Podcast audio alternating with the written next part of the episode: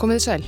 Aðfaranótt sunnudagsins 12. júni reðst maður að nafni Ómar Matín inn á næturklub hinsegin fólks í Orlando í Flóridaríki bandaríkjana. Hann var vopnaður skambissu og hálf sjálfvirkum rifli sem hann notaði til að skjóta til bana 49 manns og særa 53 til viðbútar áður en hann sjálfur var feldur í skotbardaga við lauruglum. Þetta var og er mannskeiðasta skotárás í sögu bandaríkjana en eins og allir vita sem fylgjast með fréttum alls ekki svo eina. Tilhæfu lausar skotárásir þar sem oft fellur fjöldi fólks virðast vera orðnar næstum því daglegt brauð í bandaríkunum. 13.431 bandaríkjamaður let þannig lífið í skotárás á liðnu árið 2015, 27.008 til viðbótar serðust. Hvernig má koma í vekk fyrir þetta mikla mannfall? Það er spurning sem hefur brunnið á bandarískum yfirvöldum og almenningi um ára byl því auðvitað er þetta vandamál ekki heldur nýtt af nálinni.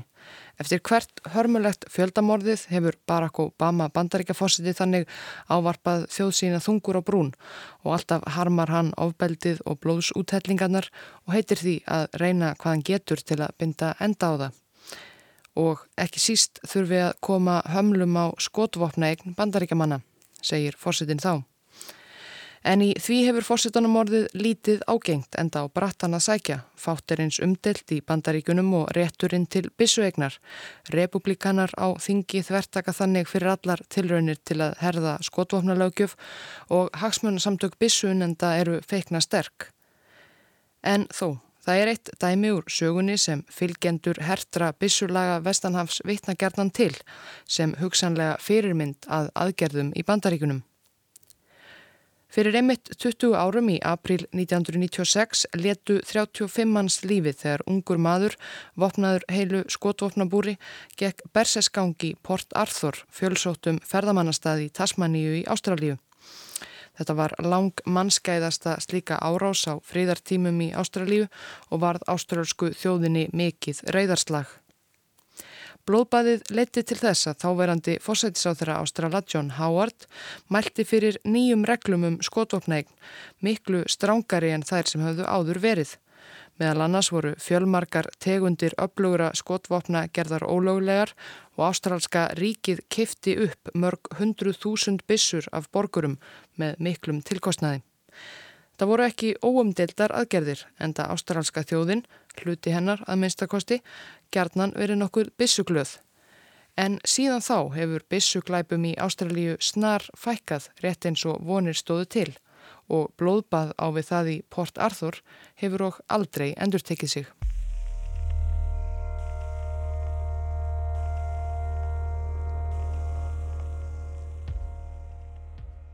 Morgunkorn ristað brauð með hunangi og tepolli. Þetta var með öllu venjubundin morgunverður. Það óvenjulega var að Martin Bryant væri á annað borð vaknaður svona snemma. Kærastan hans hafði furðað sig á því að hann stilti vekjaraklökkuna á sex þennan sunnudagsmorgun. Þau hefðu reyndar bara verið saman í nokkrar vikur en hún hafði aldrei vitað til þess að Martin Bryant notaði vekjaraklökkuna yfir leitt en það þurfti hann mjög sjaldan að vera mættur einhverstaðar snemma á mótnana. En þennan morgun, 28. apríl 1996, vaknaði hann sem sagt snemma. Hann fór í sturtu og deildi morgunkorninu og ristaða brauðinu með kæristunni sinni. Hann kvatti hana svo um áttaleitið því hún þurfti að vera mætt einhver staðar þennan morgunin ólíkt honum. Hann hafði aldrei unnið árum saman nýja verið í námi. Hann gerði mest lítið, vaknaði þess vegna einlega aldrei snemma.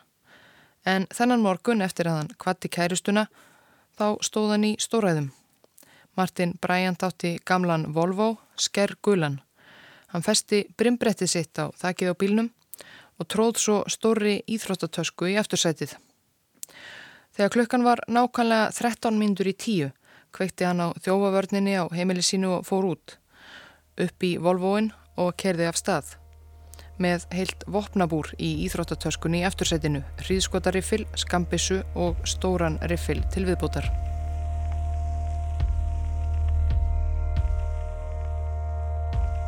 Martin Bryant fættist í Hobart, höfuborg Tasmaníu árið 1967.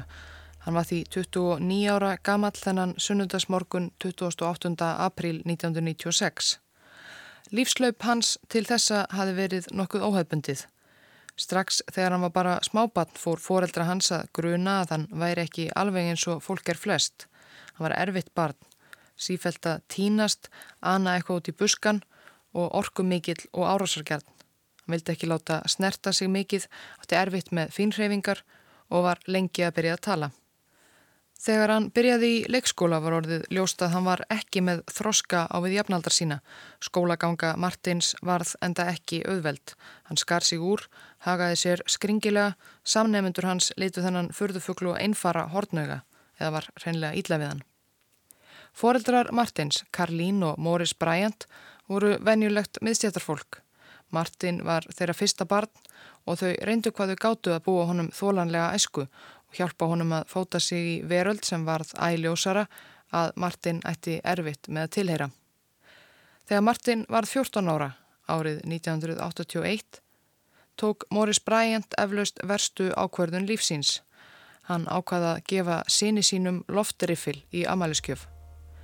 Það varð kveikjanað æfilengum og eldheitum áhuga Martin Bryants á skotvopnum.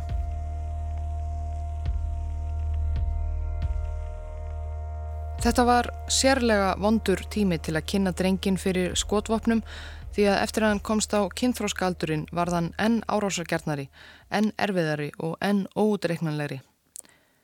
Hann stundaði það að liggja löngum stundum í skurði við heimilið og skjóta að vegfærendum úr launsátri. Einu sinni skautan Páfagauk niður úr tré, gekk svo að líflausum fugglunum á jörðinni og skautan ótal sinnum til viðbótar. Eini vinur hans í skóla snýri við honum baki eftir að Martin bendi skutulbissu að höfðin á honum og svo mætti við slengi telja. Þegar Martin var 16 ára var ákveðið að láta hann hætta í skóla. Nokkru síðar var hann komin á örorkubætur eftir að hafa sætt rannsókn geðlæknis.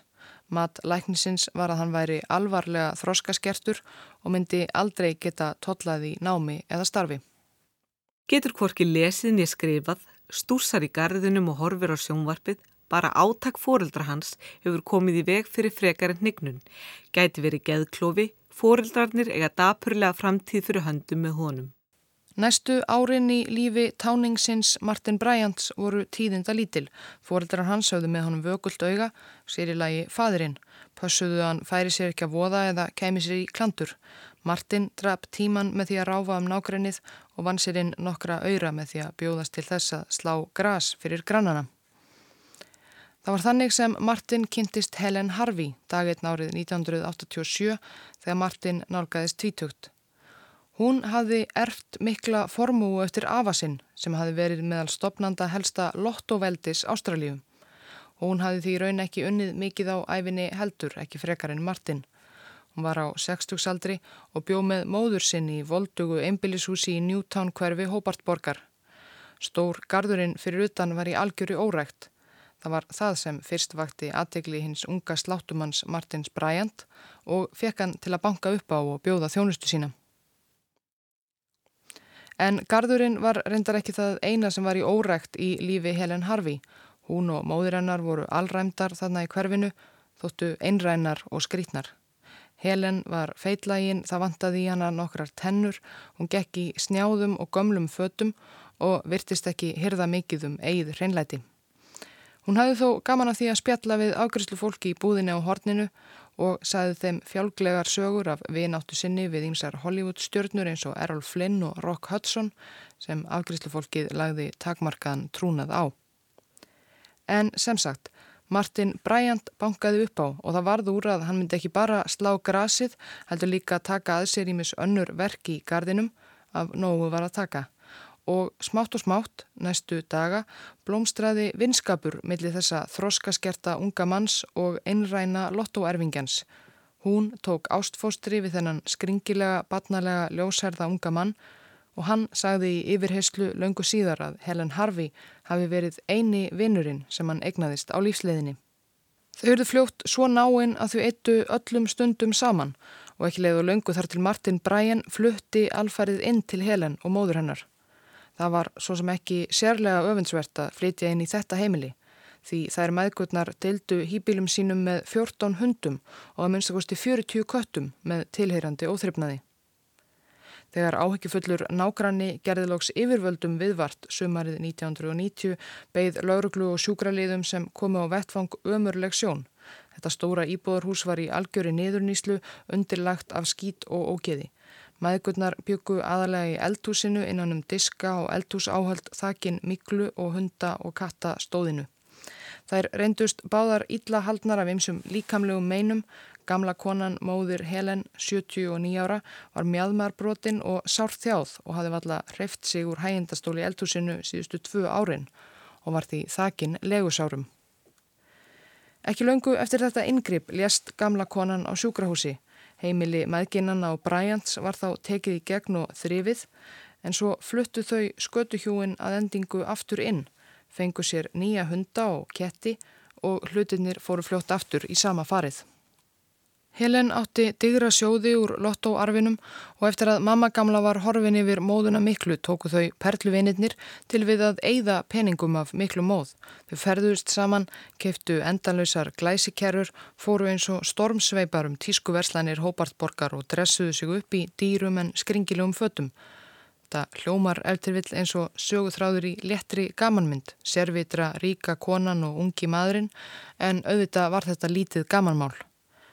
Eftir því sem Martin Bryant varð eldri varðan erfiðari, kvatvísari og árásargjarnari. Fáir gáttu orðið umborðið hann, aðrir en Helen Harvey. Og hún varð að keira glæsi kerutnar og sportbíluna sína mjög hægt. Því þegar Bryant satt með henni í framsætinu átti hann það til að þrýfa í stýrið að ástæðu lausu.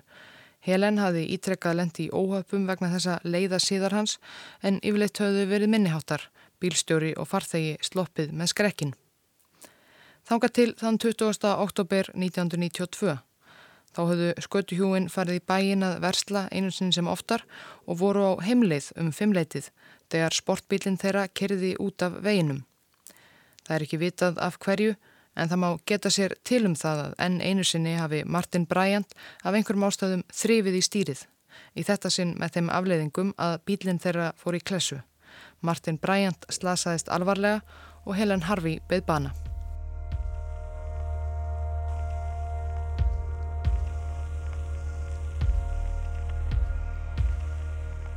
Næstu árin ráfaði hann einni gegnum lífið. Hann stopnaði til skamvinir að sambanda við stúlkur sem yfirleitti letu sig hverfa þegar rann upp fyrir þeim hverskins furðufugl hann var í raun. Hann fór í tíðar utalansferðir, hingað og þangað um heiminn en sagði reyndar síðara uppáhals hluti hverjar ferðar hefði alltaf verið sjálf flugferðin því þá nettist fólkið sem satt við hliðina ánum í vélinni til að tala við hann. Gati ekki forðað sér eins og fólk gerði yfirleitt þegar hann opnaði munnin og hann held áfram að eigða peningum vilt og galið, kifti fött og bíla og ekki síst skotvopn. Hann kifti ofgnótt upplugur að skotvopna sem hann gatt gert algjörlega óáreittur og löglega. Það voru engin lög í Tasmaníu á þessum tíma sem bönnuðu manni sem greintur var með þroska á við áagiska 11 ára bann að kaupa sér til dæmis upplugan hrískotarifil.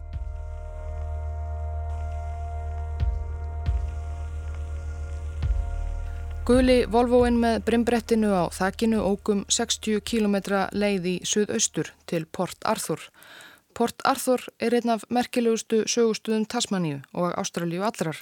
Þarna komu breytar á fót sterðarinnar fanganílendu á 19. öld þar sem allra verstu glæpamennir máttu dúsa við þröngan kost og vinna þrótlausa erfiðisvinnu.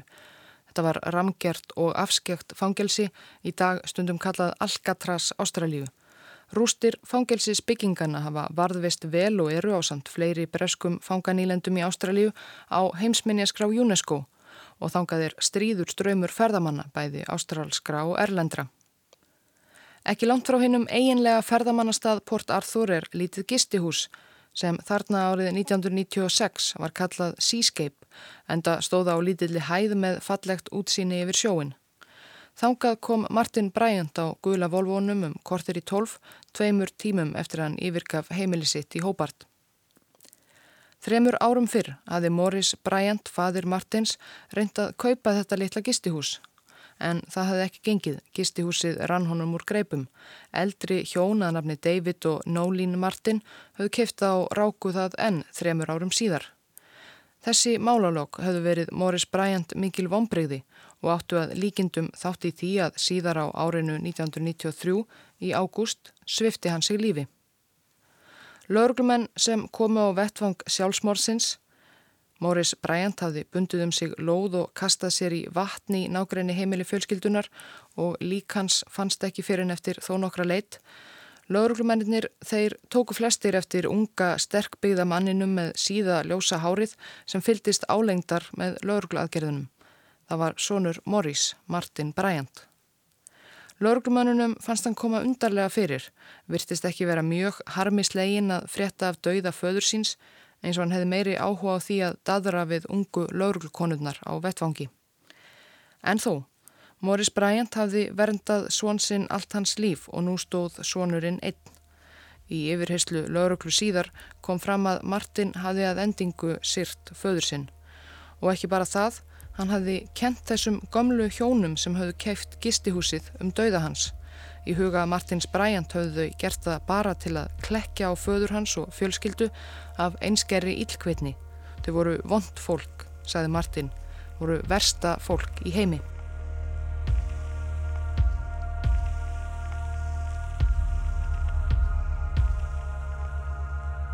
Og kortir í 12. 28. april 1996 ruttist Martin Bryant inn á gistihús hjónana sem hann áleitt versta fólk í heimi.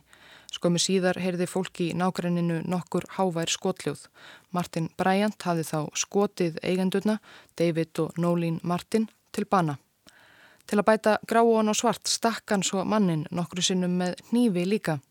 Svo tók hann líklanað gistihúsinu sem fadir hans hafði svo gjarnan viljað eignast og kerði aftur af staði gula volvónum.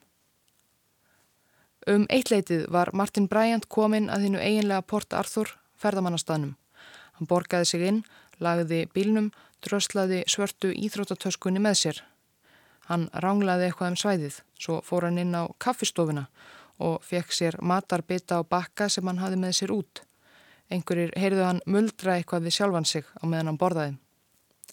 Hann var alltaf með þessa þungu tösku, svo þegar hann fór til að skila bakkanum aftur á kaffistofuna hjálpuðu einhverjir túristarhónum og heldu dýrunum opnum fyrir hann en þegar inn var komið skellti hann töskunni á eitt á borðunum og dró upp AR-15 hríðskotarifill. AR-15 hríðskotarifillin er mjög svipaður og M16 rifillin sem er með eftirlætis vopnum bandaríska hersins.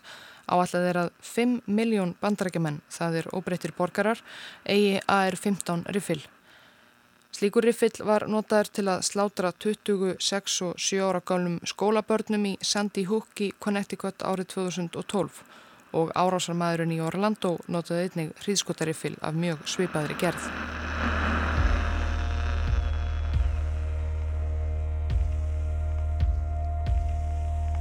Þetta var fallegur sunnudagur. Það var margt um mannin í Port Arthur eins og venjulega. Það var mikið að gera á kaffistofinni, margir að fá sér hátdegisbytta, kaffisopa eða drepa tíman á meðan þeir byðu eftir næstu ferju aftur yfir til Hóbartborgar. Næstu atbyrðir gerðust hratt. Martin Bryant mundaði hríðskotariffilinn og svo byrjaði hann að skjóta. Fyrst skaut hann tvo ferðamenn frá Malasíu sem stóður rétt upp við hann, báðir letu lífið samstundis. Svo helt hann áfram, skaut og skaut og skaut að bara nokkrum andartökum liðnum lágum tugur manna látin eða sæður og það var fyrst þá sem aðrir gestir kaffistofunar byrjuðu að átta sig á því hvað var að gerast. Að kvællirnir voru ekki bara flugeldar eða eftirvill einhvers konar söguleg leiksýning í tengslum við myrka sögu fangelsisins í Port Arthur. En sama hvað fólk skildi af því sem var að gerast var lítið hægt að gera. Því Martin Bryant hafi tekið sér stöðu við útiditnar með hrískotarifilinn og þaðan held hann áfram að skjóta á gesti þétt setinar kafistofunar og miðaði alltaf ofarlega á háls og höfuð. Fyrsta skotríð Martin Bryants tók aðeins í mestalagi hálfa mínútu. Á þeirri hálfu mínútu tókst honum að myrða tólf og særa tíu til viðbútar arvarlega. Það var innangengt úr kaffistofinni í gafafurverslun og þangað fór Martin Bryant næst, stikaði yfir líkin. Þar inni var sömulegðis fjölment en nú höfðu margir að vísu heyrt skottriðina og leitað skjóls undir og bakvið stóla og borð. En Bryant let það ekki stoppa sig. Hann var svona mínótu inni í versluninni og á þeim tíma náði hann að skjóta átta til viðbútar til bana og særa tvo. Úr gjafafuru versluninni sneri Bryant við og fór út á bílaplanið. Fyrir utan ríkti ringulreið. Allir hafðu heyrt skotljóðin innan úr kaffistofinni og versluninni. Einhverjir hafðu leitað skjóls inni eða fyrir aftan rútur og bílað þarna á planinu. Aðrir heldu enna þetta væri allt einhvers konar leiksýning eða rekkur og færðu sig nær byggingunum til að sjá hvað væri um að vera. There's somebody going crazy shooting people here. There he is, he's over there. I can't believe it. Á meðan held Martin Bryant áfram að skjóta frískotariflinum sínum. Hann stökk á milli rútana á bílaplaninu og sallaði nýður þá sem þar földu sig. Þetta tók hann heldur ekki langa stund. Eftir nokkur andartök hafði Bryant lokið sér af á bílastæðinu og þá lágu 24 í valnum og átján voru særðir.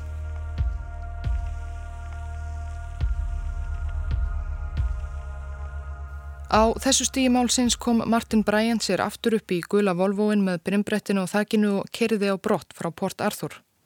Meðfram veginum hljóp fólk sem hafi heyrt skotriðina, kvekst við og lagt á flóta. Þá grunaði ekki endilega að sökudólkurinn, sjálfur fjöldamorðingin, lendist bak við stýrið á þessum frekar vinalega gamla Volvo.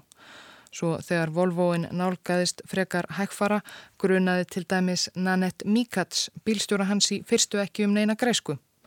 Hún hafi verið í heimsókn í Port Arthur með tveimur dætrum, alönu 6 ára og Madeleine 30 ára. Þegar þær meðgur heyrðu skotriðina höfðu þær lagt á flóta. Höfðu hlaupið um 600 metra þegar guli Volvoin kerði upp að þeim og aukumæðurinn rendi niður rúðinni. Hann hlautaði alltaf bjarga þeim, bjóði þeim far á flótanum, hugsaði Nanette Mikats eflaust. En það var ekki raunin. Martin Bryant vatt sér út úr bílnum og með hríðskotarifilinn í hönd skipaði hann Nanette Mikats að krjúpa fyrir framann sig. Svo skautan hana í gagnugað og dæturnar 2, 6 og 30 ára strax á eftir. Svo steg Martin aftur upp í Volvoin og kerði áfram.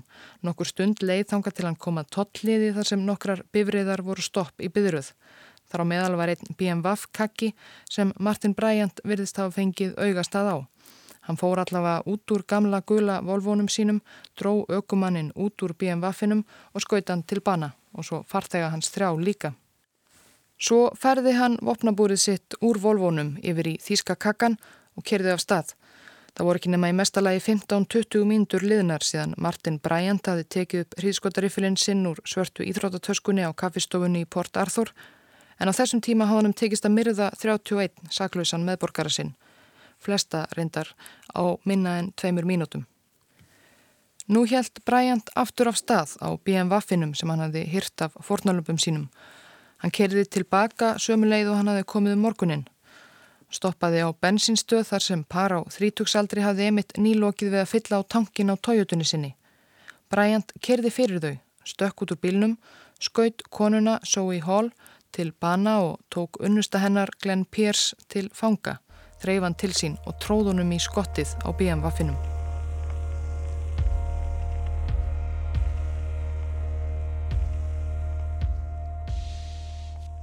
Á vaktinni í nágræni Port Arthur þennan sunnudag voru tveir lauruglumenn og báðir höfðu þeir verið uppteknir síðan í morgunsárið við eitthvað smávægilegt útkall. Það voru reyndar flest útköll frekar smávægileg á þessum rólegu slóðum. En um hálf tvö fengu lauruglumennir tveir veður af því að eitthvað alvarlegt væri á seiði í Port Arthur. Uh,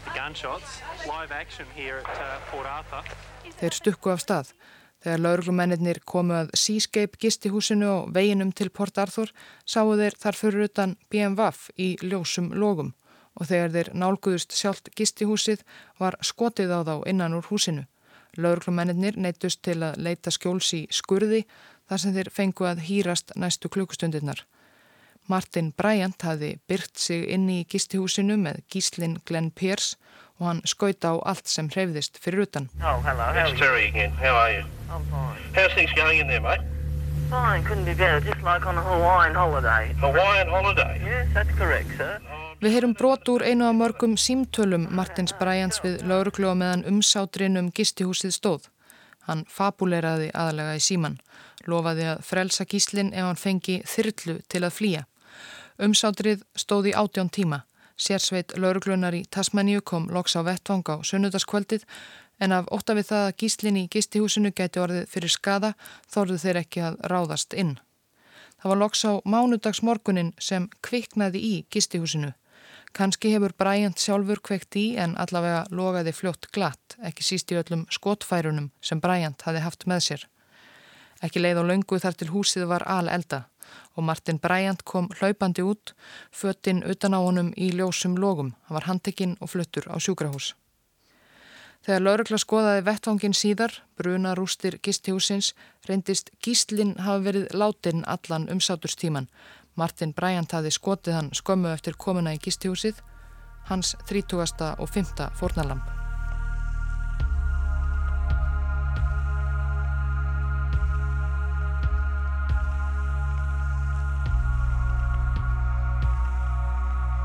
Martin Bryant náði sér af brunasárunum og var í november 1996 fundin segur um 35 morð, ótal morðtilraunir og margvíslega aðra glæpi.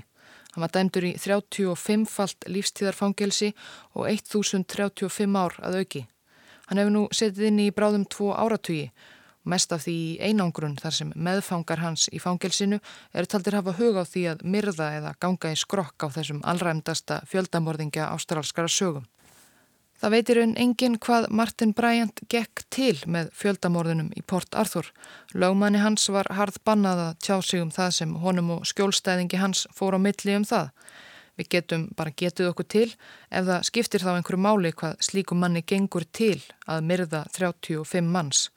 Kanski hafa einhverjir getið sér til var aðalatriðið alltaf að myrða gömlu hjónin sem hafðu haft gistihúsið af föður hans. Allt hitt Hinn morðin 33 hafi svo bara gerst einhvern veginn í framhaldinu. Aðrir hafa bent á að aðeins sex vikum áður en Martin Bryant gekk Berses gangi Port Arthur hafi maður nokkur skotið til bana 16 börn á aldrinum 5 og 6 ára og einn kennar þeirra í leikskóla í Dunblane í Skotlandi. Morðin voru bretum reyðarslag, urður endar líka til þess að þeir settu sér strángari lögum skotvopna eign og vöktu sömuleiðis aðtikli um heima allan. Mart bendi til þess að Martin Bryant hafi verið meðal þeirra sem drukku í sig fréttir af Dunblane morðunum á sínum tíma og hafi jafnvel hort til aðdáunar á morðingjan og því kannski viljað skáka honum. Það er nokkuð algengt að mannskæðar árásir sem þessar, sem vekja mikla fjölmiðla aðtekli, geti af sér hermikrákur. Ástrólsk yfirvöld reyndu enda að passa upp á fjölmiðla umfyllun í kjölfar morðana í Port Arthur. Það var mörgum árum síðar sem fjölmiðlar komist svo yfir vídeoupptökur úr yfirherslum yfir Bryant. Þar má sjá hann sitja anspænist tveimur skirtuklættum yfirvara skekjuðum löggum með sítt ljóst hárið úfið í allar áttir, skell brosandi við hverju spurningu eins og um einhvers konar brandara sé að ræða, ekki rannsókn á einum alvarlegasta glæp í sögu Ástralju. Hann flissar og grínast við lauruglumennina. Ef fólk gerði ekki eitthvað svona af og til, já þá hefði þið ekkert að gera í vinnunni. See, if people didn't do these unfortunate things, you guys wouldn't have a job. Well, there's a lot of truth in that, man, let me tell you.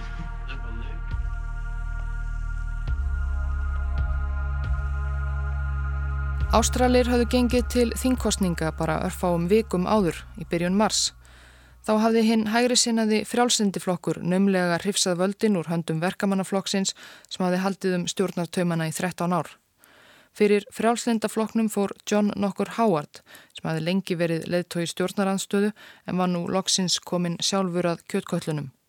Og þá, eftir bara nokkrar vikur, riðu yfir þessar hörmungar mestu fjöldamorð í sögu Ástralíu á fríðartímum. Ótaðisverk Martin Bryants urðu ástralsku þjóðinni mikið áfall. 35 manns lágu í valnum, stráfelt að þér virtist algjörlega tilefnist löst á vinsælum ferðamannastað tilefni til sálarskoðunar, hvað hafi komið fyrir, hvað hafi vakið fyrir þessum kaldrifiða morðingja sem þarna var á ferð. Og kannski ekki síst, hvernig hafði þessi ungi maður Martin Bryant sem svo fljótt í rannsókn málsins kom í ljós að hafi verið úrskurðaður óvinnu fær sögum geðveilu, hafði alla sína tíð verið þektur fyrir að vera ódreiknanlegur og árásargjarn og með ofbeldi og dauða á heilanum, hvernig hafði hann komist yfir öll þessi skotvopn sem hann notaði til að fremja ódæðisverk sín. Því hann hafði jú áttu öll löglega Það voru bara einlega engar reglur um skotvopnaegni í Tasmaníu á þessum tíma, allavega ekki sem hefði geta komið í vekk fyrir það að Martin Bryant eignaðist tólinn sem hann notaði til myrkraverka sinna þann 28. april 1996. Nú kröfðust margir ástralir breytinga. Ástralja skiptist í sex fylki og svo nokkur svæði, einingar sem allar hafa talsverða sjálfstjórn, meðal annars þegar kemur að skotvopnalögjöf. Yfir slíku hafði ríkistjóninni Canberra í raun ekki mikil völd á þessum tíma. En aðeins tveimur vikum eftir morðin í Port Arthur hafði John Howard tekist að tala fyrkistjórninnar á að samþykja samhljóma skotvofnarlögjöf sem hann kallaði þjóðarsamkomulægið. Í því fólust miklar og rótækar breytingar. Sjálfvirk og hálfsjálfvirk vopn eins og AR-15 hríðskotariffillin sem Martin Bryant hafi beitt í Port Arthur voru bönnuð, rétt eins og ákveðnar tegundir af haglabissum og öðrum öflugum bissum. Strángar reglur voru settar um skráningu á bissum, leifi og eftirlit með bissu eigandum. Bissur af þeim tegundum sem nú voru bannaðar kifti Ástrálska ríkið af þegnum sínum. Á einu ári kifti ríkið næri því miljón bissur sem var þá líklega næri þriðjungur alla skotvopna í enga eigu í landinu fyrir mörg hundruð miljónir ástrálskra dollara. Bissurnar ólöglegu voru svo brettar niður í brotajátn.